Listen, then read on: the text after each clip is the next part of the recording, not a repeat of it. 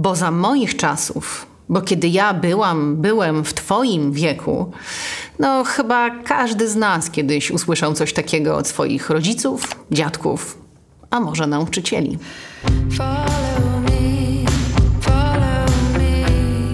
Tylko, że czasy zupełnie się zmieniły. I nie możemy przekładać doświadczeń naszego dzieciństwa i okresu dojrzewania na to, czego doświadczają dzisiaj młodzi ludzie. Żyją pod ogromną presją, większą niż kiedykolwiek. Wiem, że jest im bardzo ciężko. Doświadczyłam tego też na własnej skórze, jako mama. Blisko dwa lata temu koleżanka mojej córki powiedziała jej, że zamierza popełnić samobójstwo. I z mojej córki uczyniła swoją powiernicę. To był bardzo trudny czas. Wiedziałam, jak dramatyczna jest sytuacja tej dziewczynki. Co się musi dziać w głowie młodego człowieka, żeby chciał popełnić samobójstwo? Nie wiedziałam, jak pomóc mojej córce, która nie dźwigała tej odpowiedzialności. A ja odbiłam się od systemu, szukałam pomocy i było to bardzo trudne. I wtedy zaczęłam drążyć ten temat. I wtedy zrozumiałam, że stan zdrowia psychicznego młodych ludzi w Polsce jest alarmujący. A jako szefowa Fundacji Unałeza postanowiłam działać. I tak powstał projekt Młode Głowy Otwarcie o zdrowiu psychicznym, bo czas zacząć rozmawiać o tym otwarcie. Do dzisiejszej rozmowy zaprosiłam Joannę Flis, która współtworzy ze mną ten projekt. Pasjonatka wszystkiego, co pozwala żyć dobrze. Mama dwójki dzieci. Psycholożka, psychoterapeutka, pedagogzka, badaczka i doktorantka na Uniwersytecie Szczecińskim. Od 14 lat pracuje zawodowo ze wszystkimi grupami społecznymi. Prowadzi terapię, warsztaty i szkolenia z zakresu zdrowia psychicznego. Autorka książki o współuzależnieniu. Prowadzi też podcast Madame Monday. Współtwórczyni narzędzia badawczego i ekspertka w projekcie Młode Głowy tworzonego przez Fundację Unałeza. Joanna Flis. Według Światowej Organizacji Zdrowia co 40 sekund ktoś na świecie popełnia samobójstwo. Czyli można przyjąć, że od początku tego nagrania, które oglądacie, od początku tego podcastu, co najmniej cztery osoby targnęły się na swoje życie. I to są dane, które mnie przerażają, szczególnie, że wiele z tych przypadków to są, to są dzieci. Liczba ta wzrasta, wzrasta z roku na rok, licząc początek pandemii. Mamy epidemię, tak? I nazwijmy to po imieniu. Spójrzmy na statystyki. W 2021 roku 1496 osób młodych, dzieci, podjęło próbę samobójczą. Z tego 127 osób zrobiło to skutecznie, czyli 127 dzieci zmarło na skutek samobójstwa. Y, I w tej chwili samobójstwo jest drugą przyczyną śmierci w Polsce. Czyli nie wypadki drogowe, nie nowotwory, tylko samobójstwo właśnie. I to w grupie dzieci 10-19 lat. Tak, i strasznie dziękuję Ci za ten odcinek, ponieważ temat samobójstwa jest tematem tabu. O wypadkach drogowych, o wypadkach samolotowych, o chorobach, innych chorobach, jak choroby onkologiczne, rozmawiamy, a samobójstwa chowamy w szafach, zamykamy. Boimy się rozmawiać o samobójstwach. To jest jeden z powodów, dla którego mamy taki wzrost.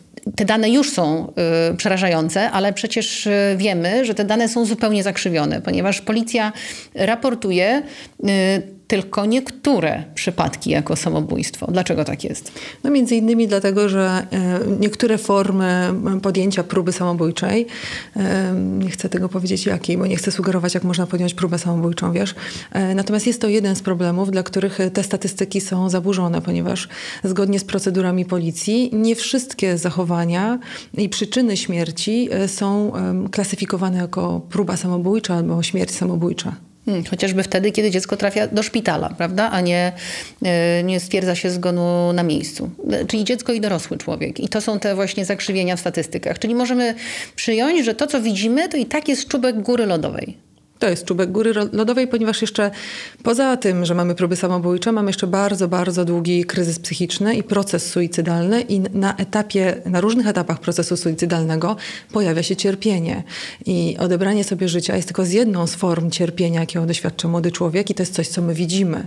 A ponieważ tak dużo osób podejmuje próby samobójcze, to możemy wnioskować, że zdecydowanie większa grupa osób jest w procesie suicydalnym, czyli latami cierpi co musi się dziać w głowie takiego dziecka, które, które to robi? Jak bardzo musi czuć się samotne Mhm. Bo mm, zdarza się, że w słowach, które wypowiadają, albo w listach, które zostawiają, yy, mówią: Chcę zniknąć, nie chcę już być problemem, nie chcę zawieść moich rodziców. Tak, dokładnie.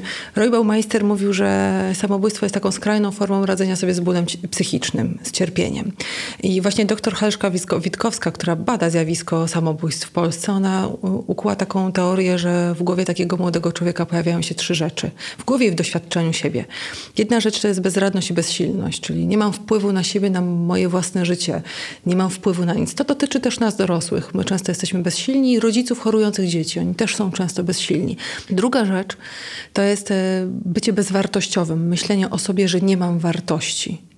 To jest myślenie, które się pojawia i na bazie doświadczeń bieżących, związanych właśnie z kryzysem, ale też na bazie procesu wychowania, bo my nadal wychowujemy dzieci w sposób taki, który wartościuje miłość. Będę cię kochał, jeżeli. I my nie musimy tego wypowiedzieć. Wystarczy, że uśmiechamy się do dziecka tylko wtedy, kiedy jest grzeczne. Wystarczy, że przytulamy je tylko wtedy, kiedy dostaje dobre oceny. Wystarczy, że jesteśmy z niego dumni i chwalimy się nim tylko wtedy, kiedy odnosi sukcesy. My nie musimy tego wypowiedzieć. My to robimy w każdym geście, w każdym spojrzeniu. Jeżeli tak myślimy, to to przemycamy. A trzecia rzecz, która się pojawia na bazie tych dwóch rzeczy, to jest ból. To jest ból, cierpienie, psychiczne, które jest jednoznaczne z cierpieniem fizycznym, jednokrotnie jest związane ze zawężeniem takim poznawczym, czyli ja już nie widzę nadziei na przyszłość i w związku z tym też cierpię. I samobójstwo jest sposobem poradzenia sobie z tym bólem. To jest to rozwiązanie. Dlatego y, tak ważne jest to, że w tej chwili jako Fundacja Unałeza startujemy z projektem Młode Głowy. Otwarcie o zdrowiu psychicznym, bo czas zacząć rozmawiać o tym otwarcie. Asiu, ty y, też z ramienia Fundacji Dbam o mój zasięg współtworzyłaś y, to badanie, o którym powiemy za chwilę i współtworzysz ten projekt, za co bardzo dziękuję. Dlaczego on jest potrzebny? Dlaczego właśnie teraz?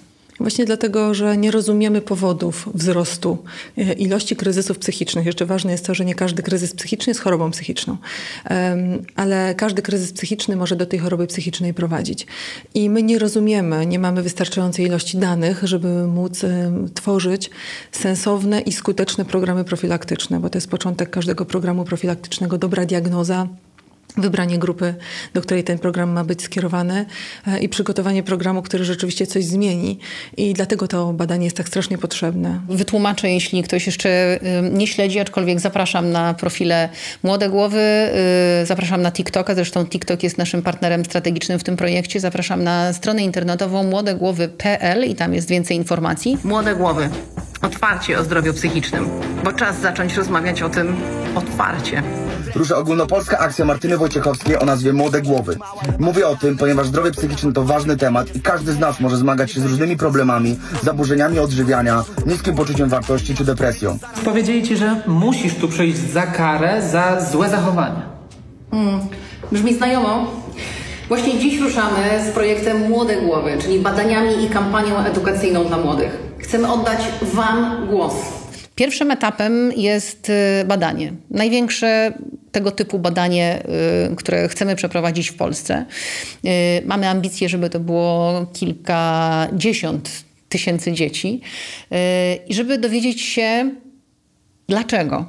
Bo wiemy jak jest, ale nie wiemy dlaczego. I wciąż we wszystkich badaniach, które czytam, które studiuję i w tych danych strasznych, które do mnie docierają, ja nie znajduję odpowiedzi na pytanie dlaczego bo za każdą statystyką kryje się człowiek. I konkretna historia. Dokładnie. Y, tym badaniem chcemy objąć dzieci w wieku 10-19 lat. To jest też bardzo szeroka grupa, bo rzadko są badane dzieci 10-13. Tak? Wydaje się, że dopiero od 13 zaczynają się te kryzysy i, i, i poważniejsze wyzwania. Nie jest to prawda, to już nie jest standard, bo wiemy, że znacznie młodsze dzieci zmagają się już z kryzysami psychicznymi. Badania będą przeprowadzane w szkołach, dlatego bardzo, bardzo zależy nam na tym, żeby szkoły rejestrowały się do tego badania Dzieciaki, jeśli nas słuchacie, oglądacie, możecie pójść do wychowawców, do dyrektorów i zgłosić taką chęć e, i gotowość. E, nauczyciele mogą się zgłaszać i oczywiście zależy nam bardzo na rodzicach, którzy e, dadzą nam wsparcie w tym procesie, bo potrzebujemy też zgody i uczestnictwa rodziców. Po zbadaniu tego tematu będą narzędzia i dla młodych ludzi, żeby dbali o siebie i jak to mogą robić, żeby zwracali uwagę na innych. To będą narzędzia dla nauczycieli do wprowadzania do szkół i to będą też narzędzia dla rodziców, bo wszystkie te grupy dzisiaj czują się zagubiony. My coś wiemy na temat życia i zdrowia człowieka i na temat tego, dokąd mamy pomóc mu dojść. Natomiast nie wiemy wszystkiego i spotykamy się rzeczywiście z potężną ścianą cierpienia i rozumiemy też, i to jest strasznie ważne w tym badaniu, że to jest problem systemowy. Wszyscy jesteśmy sobie potrzebni i bez współpracy i bez współczucia, no bo współczucie to właśnie współpraca, nie poradzimy sobie. Udowodniła to ewolucja, bo jako gatunek przetrwał gatunek najbardziej życzliwy, czyli zdolny do empatii. Przetrwaliśmy jako ludzie dlatego, że jesteśmy życzliwi, czyli chcemy współpracować i jako gatunek rozumieliśmy, że ta współpraca pomoże nam przetrwać. I dziś trochę do tej współpracy w tym badaniu nawołujemy, moim zdaniem. Naprawdę dzięki życzliwości? Tak, naprawdę. Hmm. A jednocześnie mówi się, że to najbardziej okrutna istota na świecie, człowiek. Właściwie to jedyna istota, która potrafi zabijać dla przyjemności. No tak, tylko człowiek się składa z wielu części. A jedną z tych części, która nas ocaliła, była właśnie zdolność do współpracy. Dzięki temu, że sobie wzajemnie pomagamy że siebie wzajemnie widzimy i sobie współczujemy, przetrwamy. No i tak się dzieje szczęśliwie do dziś. Że więc nawołujemy do, y, do współpracy, bo tylko y, razem możemy przezwyciężyć ten kryzys, ten impas w ogóle, w którym wszyscy funkcjonujemy. Dodam, że badanie jest y, w pełni bezpłatne, jest anonimowe, absolutnie anonimowe, to chciałabym drukowanymi literami zaznaczyć. Każda ze szkół otrzyma diagnozę dla swojej placówki i to będzie też narzędzie do pracy dla konkretnych szkół i dla naszego grona specjalistów, bo współpracujemy jako Fundacja Unałeza z wieloma fundacjami, organizacjami i ekspertami, bo potrzeba wielu mądrych głów, ale przede wszystkim potrzeba młodych ludzi. Potrzeba tego, żeby ich wysłuchać, żeby dać młodym ludziom głos. I żeby go nie negować. Bo nam dorosłym zdarza się mieć taką tendencję do tego, że nawet jak spytamy dziecko o co chodzi, to mamy tendencję do tego, żeby temu nie wierzyć, nie ufać. Mówimy, że dziecko przesadza, histeryzuje albo to jest jakaś moda. Ja osobiście mam takie doświadczenie. Koleżanka mojej córki zaczęła zwierzać jej się z planów dotyczących popełnienia samobójstwa. Zrobiła sobie z niej powiernicę. Kosztowało nas to bardzo dużo. Ja się odbiłam od y, systemu szukając pomocy. Nie do końca wiesz, jak zareagować, żeby zareagować dobrze. I pamiętam naszą rozmowę, kiedy powiedziałam, słuchaj, że to, to jest taki moment, że trzeba podjąć działanie, ponieważ to dziecko konkretne jest w niebezpieczeństwie. Na co usłyszała mnie, nie, nie robi się takich rzeczy, bo nie kabluje się, nie donosi. Ja mówię, zaraz, a gdybyś wiedziała, że ta dziewczynka jest chora na nowotwór. Czy uważałabyś, że trzeba o tym poinformować innych, nawet jeśli ona bagatelizuje te objawy? Powiedziała moja córka na to tak. No ale wiesz, mamo, rak to jest choroba śmiertelna. A rzecz w tym, że depresja jest również chorobą śmiertelną, o ile nie jest leczona. Tak, dokładnie. Jest chorobą śmiertelną, jest chorobą, która się rozwija, jest chorobą, która, gdy nie jest leczona w dzieciństwie, lubi się powtórzyć w dorosłym życiu, więc tak ważne jest, żeby zacząć e, leczyć takiego młodego człowieka.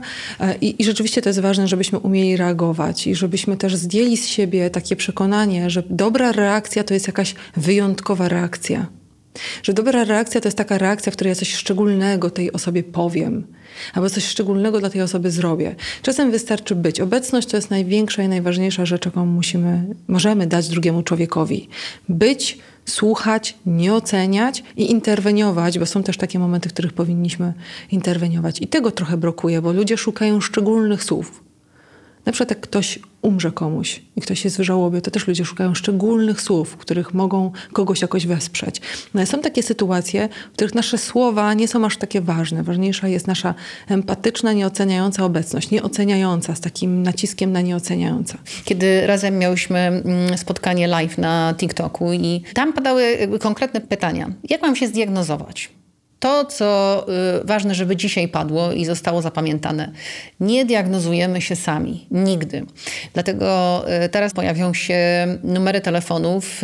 Y, jest telefon i linia zaufania Fundacji Dajemy Dzieciom Siłę. Niebieska linia to jest telefon zaufania dla ofiar przemocy, jak również telefon zaufania Fundacji Sekset i tam sugerujemy, żeby się kierować e, ze wszystkimi pytaniami.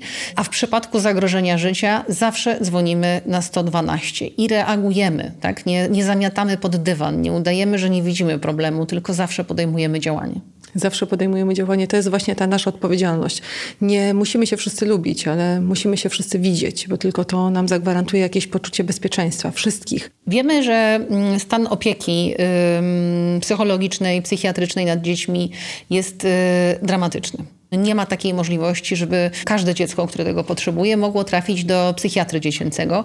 A, i to y, ważna rzecz, y, jest trochę inaczej, y, się, trochę inaczej się postępuje niż w przypadku dorosłych. Dokładnie. Kiedy pojawiają się jakieś komponenty zaburzenia psychicznego, czyli depresji, ataki paniki, zaburzenia lękowe, zaburzenia odżywiania, jakiekolwiek inne zachowania, które świadczą o tym, że rozwija się choroba, idziemy w pierwszej kolejności do lekarza czyli do lekarza psychiatry w tym wypadku.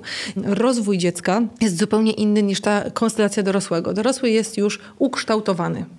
Dorosły jest takim drzewem, które już stoi. My wiemy, jakie to drzewo jest, dokąd ono zmierzało.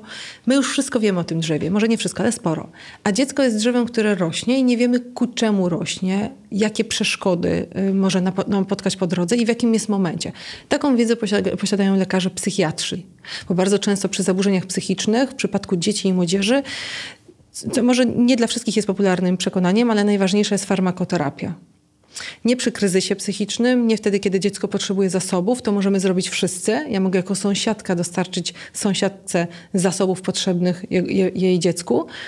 Ale w przypadku zaburzeń psychicznych bardzo często potrzebna jest farmakoterapia. I naprawdę nie bójmy się też o tym mówić, że ta farmakoterapia niejednokrotnie jest niezbędna. To nie jest ostateczność, bo ja często słyszę, jak rodzice mówią o tym, że no może spróbujmy bez leków. Tak jakby to była jakiś taka, jakaś taka próba, jakaś taka ambicjonalna próba pokonania czegoś bez sięgania po tą ostateczność. Kiedy lekarz wycina ci wyrostek, to nie mówi, to może spróbujmy bez leków, a jak będzie boleć, to wtedy panią znieczulimy. Jest pewien standard. Po pierwsze, nie szkodzić, ograniczamy cierpienie. Więc jeżeli dziecko mówi, że cierpi, to naszym etycznym zadaniem, takim obowiązkiem etycznym jest to cierpienie zmniejszyć. Ból psychiczny jest tak samo e, doskwierający jak ból fizyczny. Traktujmy go w ten sam sposób. Więc jeżeli dziecko mówi, że cierpi, to my mamy mu ulżyć w cierpieniu w pierwszej kolejności. Nawet jak to rzutuje na nasze poczucie własnej wartości. Sprawdzałaś ostatnio, ile trwa umówienie wizyty do psychiatry dziecięcego na NFZ? No to potrafi trwać do 8 miesięcy. Tak? Bo ja znalazłam e, miejsca, gdzie trwają e, te zapisy nawet 3 lata. Mhm. 3 lata. Cierpienia. Cierpienia. A kiedy boli cię ząb, to dentysta przyjmuje cię z marszu. Tak, nawet bez kolei. Nawet bez kolei. Okej, okay, to teraz y, wyobraźmy sobie poziom desperacji rodzica, który dzwoni i mówi: Moja y, córka, syn, moje dziecko się samo okalecza, y, ma myśli samobójcze, trzeba działać natychmiast. I słyszy, że wizyta będzie za rok, za dwa, za trzy wiadomo, że wtedy może być zupełnie już niepotrzebna. Y, no więc mówisz, ok, zwrócę się do prywatnej opieki. Y, I tu znów się okazuje, że wizyta u psychiatry dziecięcego, a u psychologa często też, choć jest jednak trochę więcej psychologów dziecięcych niż psychiatrów, y, oczekujesz na tę wizytę również wiele miesięcy, kosztuje 350 zł, a nawet 550 są i takie stawki, kogo na to stać. Y, ale powiedzmy rodzicom, którzy mają dzieci na skraju yy, samobójstwa, co mają zrobić? Dokąd się kierować? Y, wiesz co, no nie przychodzi mi żaden inny pomysł niż taki, który mówię moim pacjentom. Jechać na oddział, wezwać karetkę. A na oddziale słyszysz, że nie ma miejsc. Jeżeli jest bezpośrednie zagrożenie życia, musi być miejsce. Zagrożenie życia nie jest tylko wtedy, kiedy dziecko wprost mówi, chce się zabić. Zagrożenie życia jest też wtedy, kiedy dziecko od trzech miesięcy nie wychodzi z własnego pokoju, jest całe pocięte i nie nawiązuje żadnego kontaktu. Ja wtedy mówię e, moim rodzicom, moim pacjentom, że mają jechać na oddział, że jest bezpośrednie zagrożenie życia. I jest taka zasada, że jeżeli zgłaszam bezpośrednie zagrożenie życia mojego dziecka, to muszą je przyjąć. Dzieciaki są na oddziałach psychiatrycznych, które, mm, na których nie ma łóżek. Tak? Leżą, leżą na materacach, leżą pod ścianami, co jest w ogóle pogwałceniem wszelkich procedur dotyczących opieki y, psychicznej nad dziećmi. Mm, jest naprawdę bardzo, bardzo źle. Tak, to też to, co jest strasznie ważne i, y, i z czym się spotykam, to to, że rodzice często nie chcą wziąć wolnego, kiedy dziecko jest chore cierpi na zaburzenia psychiczne, czyli rodzice mają problem z tym, ja rozumiem, że to też może być problem finansowy, materialny, ale mają problem z tym, żeby zostać z dzieckiem w domu. A to czasem jest jedyne rozwiązanie. Jeżeli nie mam miejsca na oddziale, jeżeli ja nie mam jak się dostać do psychiatry, do psychologa, ja muszę z tym dzieciakiem zostać w domu. Muszę. Jeżeli moje dziecko miałoby w tej chwili rozwijający się nowotwór, to nikt by nie dyskutował. A kiedy ja robiłam detoks cyfrowy dla dzieci, które cierpiały na zaburzenia lękowe do tego stopnia, że miały agorafobię i nie chodziły do szkoły, i to było związane z nadużywaniem telefonu, to większość rodziców telefonu i komputera, których wprowadzałam do programu detoksykacyjnego, mówiła, że nie weźmie urlopu na 6 tygodni, żeby zostać ze swoim dzieckiem w domu. To były dzieci, które były głęboko uzależnione, nie chodziły już do szkoły, nie wychodziły z własnych pokojów a rodzice mówili, że nie wezmą urlopu. Jakby chcę przez to powiedzieć, że to jest e, nasze dziecko i że pieniądze w tym kontekście nie mają znaczenia. Jeżeli ja muszę wziąć urlop, to ja to muszę zrobić. Nie ma tutaj dyskusji. Czasami są rzeczy, które po prostu ratują życie. Ja wiem, że system jest e, do niczego. Ja wiem, że nasze państwo w tym kontekście nie dowozi tak, jak powinno dowozić. Ale my musimy dowieść. I czasem to jest jedyne rozwiązanie. Zostać w domu z dzieckiem. Drugą rzeczą strasznie ważną jest proszenie o pomoc. Musimy się nauczyć prosić o pomoc. Czasami musimy się tego nauczyć od naszych dzieci, bo one, jak są małe, to proszą o pomoc. Więc w takiej sytuacji, kiedy choruje nasze dziecko, prosimy o pomoc naszych bliskich, rodzinę, sąsiadów, nauczycieli. Mówimy o tym głośno. Czyli Tymczasem bardzo często się zdarza, że rodzice nie chcą się przyznać, nie chcą powiedzieć głośno o tym, że jest taki problem. To jest wciąż y, dla wielu źródło wstydu. No wstyd jest takim mechanizmem, który rządzi każdą społecznością. Wstyd w, dużej w dużym skrócie ukrywa lęk. Lęk przed byciem odrzuconym. Czyli my czujemy wstyd, kiedy robimy coś, co sprawi, że być może nasze plemię nas odrzuci, czyli nasze społeczeństwo nas odrzuci. Więc jeżeli my się tego wstydzimy, to znaczy, że boimy się, że społeczeństwo nas odrzuci, jeżeli nasze dzieci będą chorować. I taką drogą do tego, żeby ten wstyd pokonać, jest właśnie normalizacja rozmawiania o zdrowiu psychicznym, normalizacja tego zjawiska, bo no, to nie jest coś, co nie jest naturalne. W, w świecie nie ma niczego, co nie jest naturalne. Jeżeli my chorujemy, to jest to część tej rzeczywistości, w której żyjemy. Patrzę też na te statystyki dotyczące mm, zachowań samobójczych i y, ogółem mamy do czynienia ze wzrostem 77%. Ale w grupie dziewczynek te statystyki są jeszcze bardziej zatrważające, bo to jest ponad 100% rok do roku. Dlaczego tak jest? Dlaczego dziewczynki częściej wykazują takie zachowania? No, jest wiele powodów, które sprawiają, że dziewczynki i my kobiety częściej zachowujemy się autodestrukcyjnie. Chociażby spójrzmy na zaburzenia odżywiania. Osób z zaburzeniami odżywiania w postaci anoreksji albo zaburzeń mieszanych anoreksji bulimii w, w populacji jest, y, zdecydowanie jest mniej mężczyzn niż kobiet, więc widać tutaj, że ta, ta, ta, ta opresja jest naszym sposobem radzenia sobie z napięciem. Więc to jest taka pierwsza rzecz, to w jaki sposób my wychowujemy e, dziewczęta i to, że one nie mogą wyrażać gniewu, nie mogą, nie nie mogą wyrażać złości, to, że czują, że muszą kontrolować swoje ciała i że muszą spełniać określone standardy. Nam się może wydaje, że jesteśmy trochę bardziej ciało pozytywni, ale to nie jest jeszcze prawda. A już z badań Brené Brown wiemy, że to kobiety przede wszystkim wstydzą się własnego zdania i to dotyczy też dziewcząt, czyli wstydzimy się być trochę silniejsze, trochę mądrzejsze. Bo co, wygadane, trochę... wyszczekane tak. i nie wypada? Trochę wygadane, wyszekane i nie wypada. Dziewczynki się wstydzą wyglądu fizycznego, posiadania własnego zdania to, co mówiłaś, na w dorosłym życiu tego, jakimi są matkami. Tak? Takie wielkie poczucie winy i wstydu. Tak? Czy jestem wystarczająco dobrą matką? Stąd kampania Fundacji Unałaza i am enough. Natomiast chłopcy y, wstydzą się tego, jaką posiadają wiedzę, jaki jest ich status materialny, co w przypadku młodych chłopców można przełożyć, nie wiem, na buty, telefon, tak inne takie atrybuty oraz y, sprawności seksualnej. Więc te, te, te źródła wstydu są zupełnie inne, ale efekty są takie same. Otóż y, prowadzą do kryzysu psychicznego. Wytłumaczmy teraz, czym jest kryzys psychiczny i kiedy on staje się naprawdę niebezpieczny. Kiedy w naszym życiu pojawia się jaka, jakaś przeciwność, wewnętrzna albo zewnętrzna. E, zewnętrzna w postaci ograniczeń, wykluczenia społecznego, albo wewnętrzna w postaci rozwiązania jakiegoś ważnego zadania rozwojowego pod tytułem czy warto mieć, czy być na przykład. To, co dotyczy kryzysu wieku średniego. Ale e, kiedy pojawia się jakaś przeszkoda, to wtedy pojawia się kryzys. I ten kryzys może być kryzysem rozwojowym, wtedy, kiedy znajdziemy rozwiązanie ale może być też kryzysem, który stanie się kryzysem psychicznym, prowadzącym do zaburzenia psychicznego. Wtedy, kiedy my nie możemy poradzić sobie z tym zadaniem. Mhm. A dodajmy, że w przypadku młodych osób, e, takich nawet bardzo młodych, ten kryzys zaczyna się niejednokrotnie z punktu widzenia dorosłych. Bardzo banalnie. Zaczyna się banalnie, bo zaczyna się od zdarzeń, które my jako dorośli uważamy za normalne które my normalizujemy, czyli zawód miłosny, czyli wykluczenie y, społeczne. tego kwiatu to pół światu, znajdziesz sobie innego, ale ja chcę konkretnie tego. Y, jakie to są jeszcze sytuacje? To są takie sytuacje, kiedy ktoś dostanie pierwszą jedynkę, albo kiedy dziecko nie zda z klasy do klasy, mm, albo kiedy nie wygra olimpiady, e, albo kiedy musi występować publicznie, chociaż nie lubi nie ma ochoty. To są sytuacje, kiedy musi zmienić miejsce zamieszkania, kiedy musi zmienić styl życia, czyli wszystko, co jest związane ze zmianą i z tym, że my musimy uruchomić jakieś zasoby, żeby tą zmianę wprowadzić w życie. Mhm. A młodzi ludzie doświadczają tego po raz pierwszy. I, I wszystko, co nam może wydawać się y, błahe i proste do załatwienia, dla takiej młodej osoby urasta do rangi wielkiego, y, wielkiego problemu. To, czy to będzie problem, e, zależy od tego, czy będą zasoby zewnętrzne.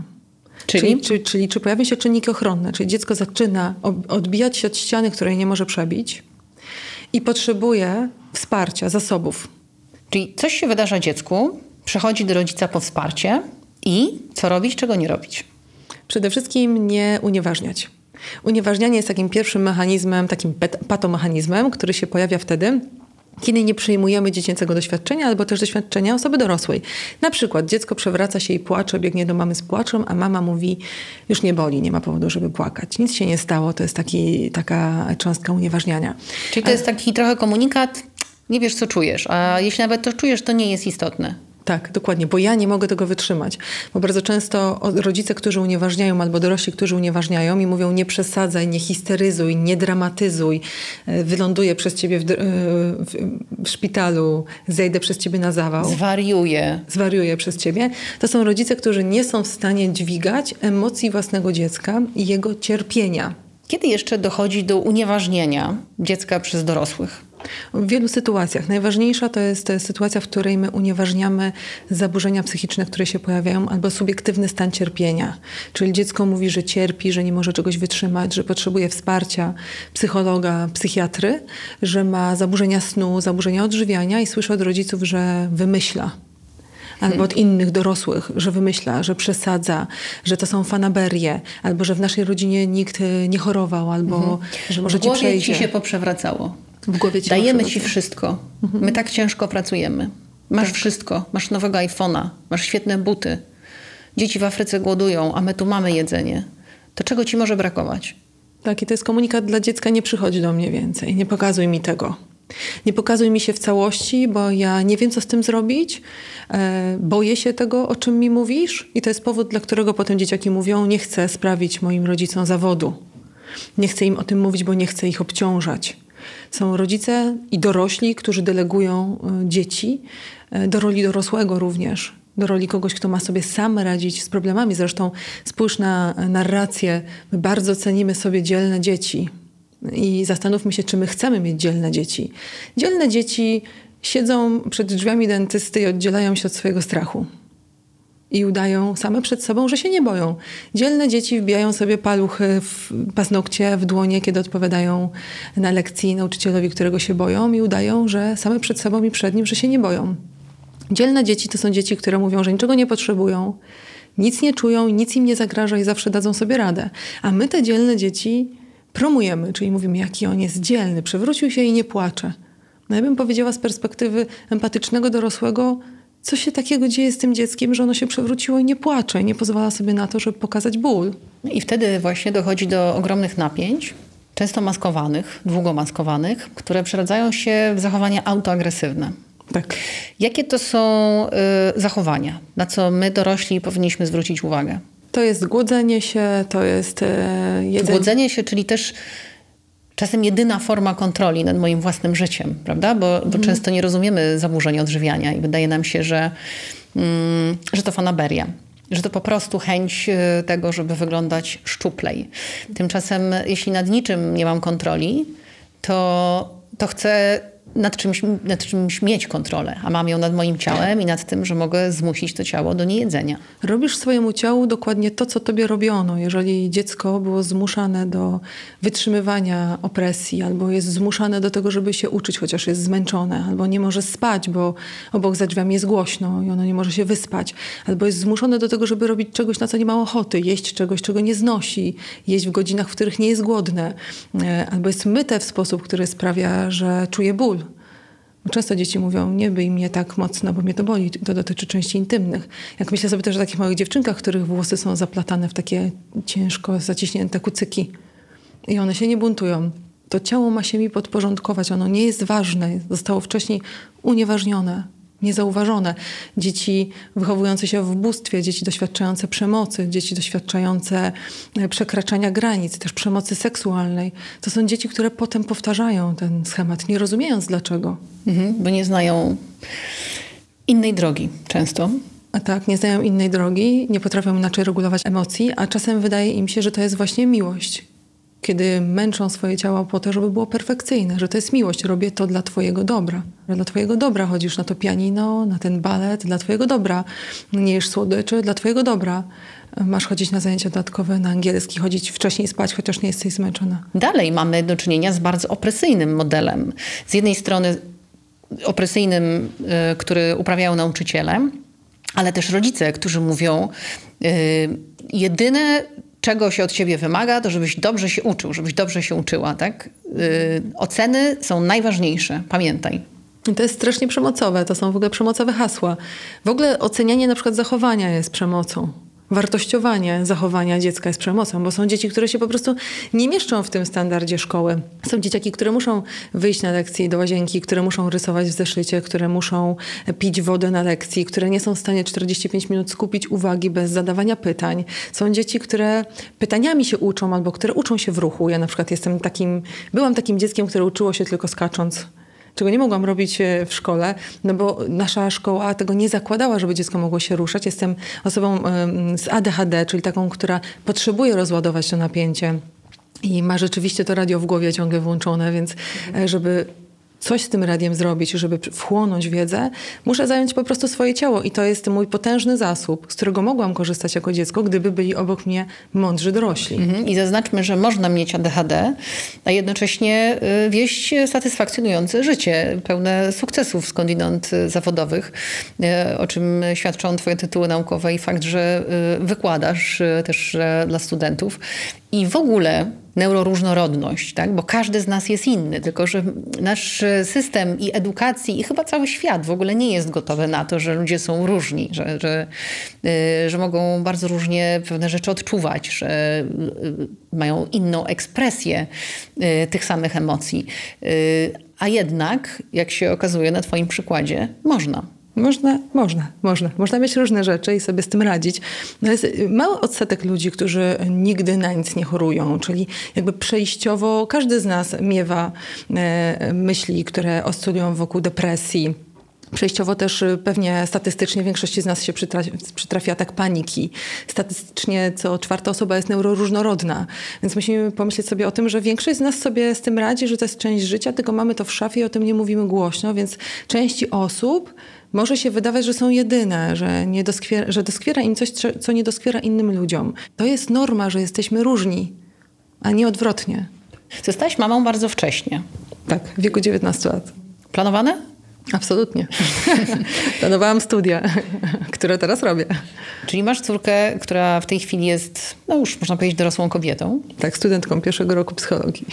Hmm, co za zbieg okoliczności. To ciekawe. Y, jesteś też mamą y, czteroipółletniego y, synka. Jak byś porównała te swoje macierzyństwa, tak? Że cały czas jesteś w procesie bycia mamą, bo przecież to, że mhm. nasze dzieci są dorosłe, to nie znaczy, że przestajemy być rodzicami. Ale jaką byłaś mamą? Jaką chciałaś być wtedy mamą? Czego się dowiedziałaś? Jak dzisiaj czujesz się w roli mamy? Mhm. Byłam mamą e, na początku, bardzo nadopiekuńczą, bo nie wiedziałam, jak to jest być mamą. Więc wydawało mi się, że e, bycie mamą oznacza bycie ciągle do swojego dziecka i wyręczanie go z, z różnych rzeczy, więc byłam mamą nadopiekuńczą nadopiekuńczość e, jest absolutnie czymś, czego nie powinniśmy robić, więc e, warto się też z tym trochę spotkać, że nadopiekuńczość robi krzywdę naszym dzieciom. E, Asia, bo... ale gdzie jest, znów, gdzie jest granica, tak? No bo jednocześnie chcemy rodziców zaangażowanych, obecnych, tak? A potem mówimy, nie, nie, to są rodzice nadopiekuńczy, tak? I potem ci dzieci siedzą na kozetkach i tak, moja mama była za bardzo albo za mało, tata również. Powiedz coś, tak? Niech to będzie drogowskaz. Czas pytać swoje swojego dziecka. Czego ono potrzebuje w tej chwili? To jest odpowiedź, czyli y, środek jest tam, gdzie ja podążam za potrzebami mojego dziecka. To nie zawsze się da.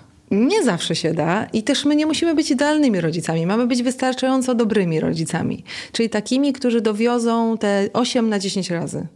Jak dowieziemy 8 na 10 razy, to będzie wystarczające, bo nasze dzieci nie potrzebują ideału. Kto by wytrzymał z ideałem? Nie chciałabym być ideałem. Środek jest tam, gdzie są potrzeby naszego dziecka i generalnie chodzi o to, żeby być takim rodzicem, który chodzi z takim pytaniem na czole, przyklejonym do czoła, czego moje dziecko dzisiaj potrzebuje czym mogę mu dziś być użyteczna albo w czym mogę mu pomóc. I z drugiej strony, ku czemu ja to dziecko prowadzę, bo właśnie nadopiekuńczość e, nie uczy wzajemności, czyli ja jestem dla ciebie, ale nie daję ci przestrzeni, żebyś ty była dla mnie, czego e, ja się z moją córką musiałam nauczyć dopiero kiedy była starsza.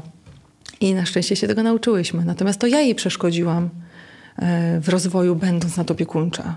Wrócę jeszcze do tych mhm. form autoagresji, bo mówiłyśmy o głodzeniu się bądź obiadaniu, to też jest e, forma autoagresji. Mm, dużo się dzisiaj mówi o, e, o tym, że dzieciaki się okaleczają wiele inspiracji znajdują chociażby w internecie, czy dowiadują się od siebie nawzajem. Rozmawiałam z panią psychiatrą dziecięcą y, na temat y, samookaleczeń, które widzimy, te, te sznyty na rękach, ale mówi nie, to nie są najgorsze rzeczy, które dzieci mogą sobie zrobić. Proszę sobie wyobrazić, że są dzieci, które nacinają sobie uda, wewnętrzną część ud, żeby rodzice tego nie zauważyli. Wbijają sobie szpilki pod paznokcie, przycinają sobie dłonie w szufladach, robią sobie straszne rzeczy, okładają się pięściami y, i w pewnym sensie są to jeszcze gorsze sposoby manifestowania tej, tej autoagresji, bo niedostrzegalne. Tak? Nie, nawet e, trudno jest zareagować, bo rodzice często nie wiedzą. A jeśli już zauważą, Wiesz, jaki jest bardzo częsty komentarz rodziców? Zapewne wiesz, bo pracowałaś z osobami e, młodymi, które się samo okaleczają i z ich rodzicami. Jak mogłeś mi to zrobić? Mhm. Jak mogłaś mi to zrobić? Mhm. To jest wzbudzanie poczucia winy, nie? Albo jak chcesz, to ja ci e, zrobię taki wpiernicz, że ci się odechce. To jest jeszcze gorzej. No, kiedyś miałam taką e, pacjentkę w terapii wiele lat temu, młodą dziewczynę, która e, nosiła właśnie, mam dziś golf, więc o niej pomyślałam, nosiła na szyi taki, taką czerwoną nitkę, którą przykręcała sobie za każdym razem, kiedy rozładowywała napięcie, się podduszała i chodziła w golfach. Robiła to wszędzie, robiła to w placówce, w szkole, wśród ludzi, robiła to nawet na sesji. Stąd też wiem, że e, coś takiego miało miejsce, bo po prostu zauważyłam, że coś takiego się dzieje. Więc potrzeba takich e, uważnych dorosłych. Wiemy też, że dzieciaki sięgają po używki, po bardzo różne używki. Potraktujmy to niezwykle szeroko. Jak sama powiedziałaś, e, napisałaś w swojej książce, człowiek uzależnia się od doświadczeń, a nie od substancji. Wcześniej badano szczury, zamykano ich w klatkach, dawano im dostęp do kokainy i wysnuto na tej podstawie przekonanie, że wszystkie szczury się uzależniały od tej kokainy. I taki był początek naszego myślenia o uzależnieniach, myślenia naukowców o uzależnieniach. Że szczury uzależniały się od kokainy, to znaczy, że moc substancji uzależniającej to jest moc uzależnienia. Czyli, że problem jest substancji. Dlatego pomyślano o tym, że okay, profilaktyka ma polegać na tym, że ma nie być tych substancji. Jak nie będzie, to nie będzie problemu. A potem się okazywało, że ludzie i tak je zdobywali albo uzależniali się od innych rzeczy, że skala uzależnień nie spadała. To jest właśnie kiepska profilaktyka. Kolejna rzecz, e, to Bruce Alexander w 1960 roku powiedział nie, coś tu jest nie tak. Zrobimy te badania inaczej. Umieścił szczury w mm, klatkach w których one miały wszystko. Miały kołowrotki, miały dostęp do innych szczurów, miały zachowany rytm okołodobowy. No wszystko, co tam sobie szczur może wyobrazić. Ja nie wiem, co sobie szczur, czego szczur potrzebuje, ale miały wszystko. I okazywało się, że w tej y, grupie badawczej uzależniało się tylko 10 szczurów, mimo że miały nieograniczony dostęp do kokainy. To był najważniejszy eksperyment, który pozwala nam logicznie myśleć o uzależnieniach. Moc uzależnienia nie leży w mocy substancji uzależniającej. Leży w deficytach środowiska.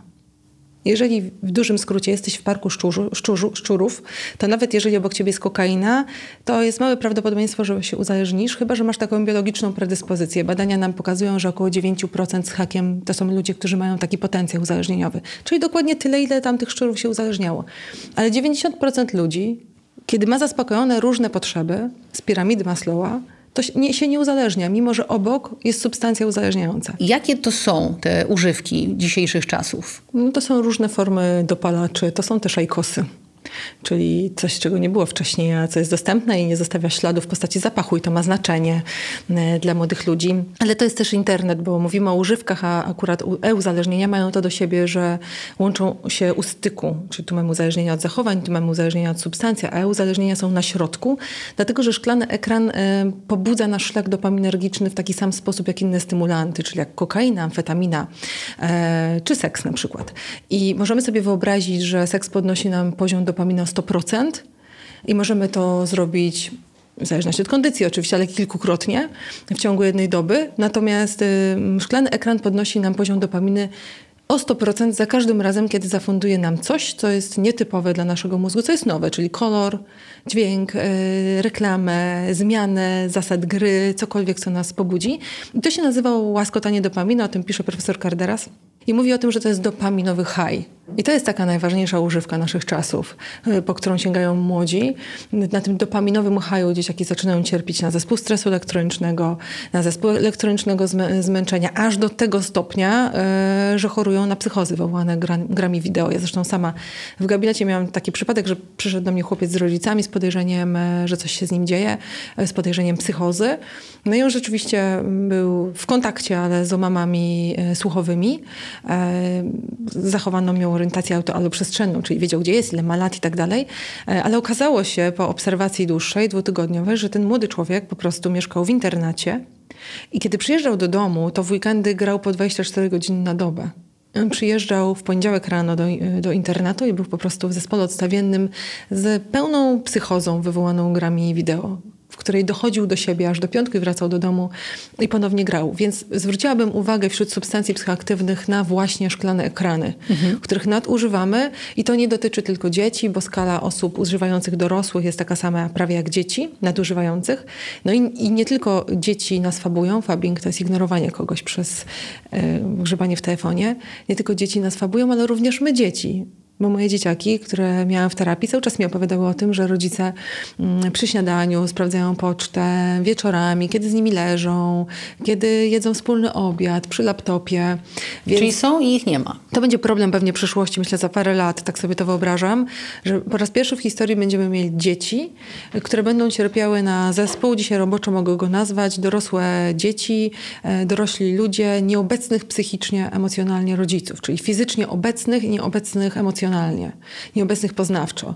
To są te wszystkie dzieciaki, do których mówi się z, z nad telefonu za chwilę, okej, możesz, nie możesz. Jeszcze nigdy w historii człowieka nie było takiej sytuacji, a było takie piękne badanie, które pokazywało, że kiedy małe dziecko, bardzo, bardzo dawno temu, 30 lat temu, kiedy małe dziecko sadzało się w foteliku jego mama była naprzeciwko i była e, responsywna, reagowała, to to dziecko było bezpieczne, uśmiechnięte i gaworzyło. A kiedy mama zamierała, Czyli przestawała, miała taką kamienną twarz. My też tacy jesteśmy przy tym telefonie i przy tym laptopie. Kiedy miała taką kamienną twarz, to dzieciom, bo dzieci małe potrzebowały tylko kilka minut do dekompensacji.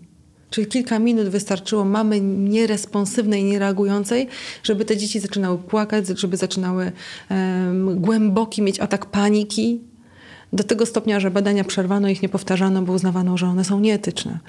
E, mamy inne badanie, w którym małpki zostawiano w klatkach. Dramatyczny czas w historii psychologii, ale stąd mamy te dane. E, małpki zostawiano w klatkach. E, jedna miała małpkę żywą, mamę żywą, małpkę. I to była małpka, która się świetnie rozwijała. Druga miała małpkę pluszową. I to była małpka, która przetrwała, ale była w dramatycznym stanie, czyli mogła się przytulić, ale mama nie odpowiadała na jej, na jej potrzeby, a trzecia miała małpkę taką drucianą, do której nie można było się przytulić. I te małpki umierały, mimo że miały jedzenie, mimo że miały picie. Czyli to też nam pokazuje, jak nasza obecność i responsywność wpływa na zdrowie psychiczne dzieci. I to, co my robimy za ekranem szklanym, i to, jak my ignorujemy swoje dzieci, i też pandemia to wprowadziła, bo pracujemy w domach. Czyli jesteśmy fizycznie, jak te małpki pluszowe, można nas przytulić nasza uwaga jest gdzieś indziej, bo ja teraz robię coś ważnego, bardzo ważnego, ważniejszego niż cała potrzeba przytulania się. To jest taka sytuacja, w której nie wiemy, dokąd zmierzamy, ale moim zdaniem, jeżeli się nie opamiętamy, to nie zmierzamy do dobrego miejsca. E, tym bardziej e, po tej naszej rozmowie, Asiu, zdaję sobie sprawę, jak bardzo potrzebna jest nasza wspólna kampania, nasz wspólny projekt e, Młode Głowy, otwarcie o zdrowiu psychicznym. Zapraszam Was wszystkich, przypomnę, i na kanały social mediowe, i na TikToka, i na stronę internetową młodegłowy.pl. Badanie startuje już. Potrwa do końca lutego yy, i oczywiście kolejny raz się spotkamy, żeby omówić to, jakie są wyniki tych badań, a wtedy będziemy zastanawiać się, co zrobić, y, jakie narzędzia dać i nauczycielom i rodzicom, a póki co bardzo, bardzo Was potrzebujemy. Asiu, bardzo Ci dziękuję za tę rozmowę. Y, czas zacząć rozmawiać o zdrowiu psychicznym otwarcie, szczególnie o tym zdrowiu psychicznym młodych, bo mi zależy na tym, jakie, jaka przyszłość jest przed, y, przed moją córką, przed naszymi dziećmi, bo to oni będą kształtować ten świat. I to oni młodzi ludzie naprawią to, co my zepsuliśmy. Bardzo Wam dziękuję. Zapraszam na y, kolejny podcast na kanale Dalej. Zasubskrybujcie, żeby nie przegapić i bądźcie na bieżąco z projektem Młode Głowy Otwarcie o zdrowiu psychicznym. Dziękuję. Dziękuję.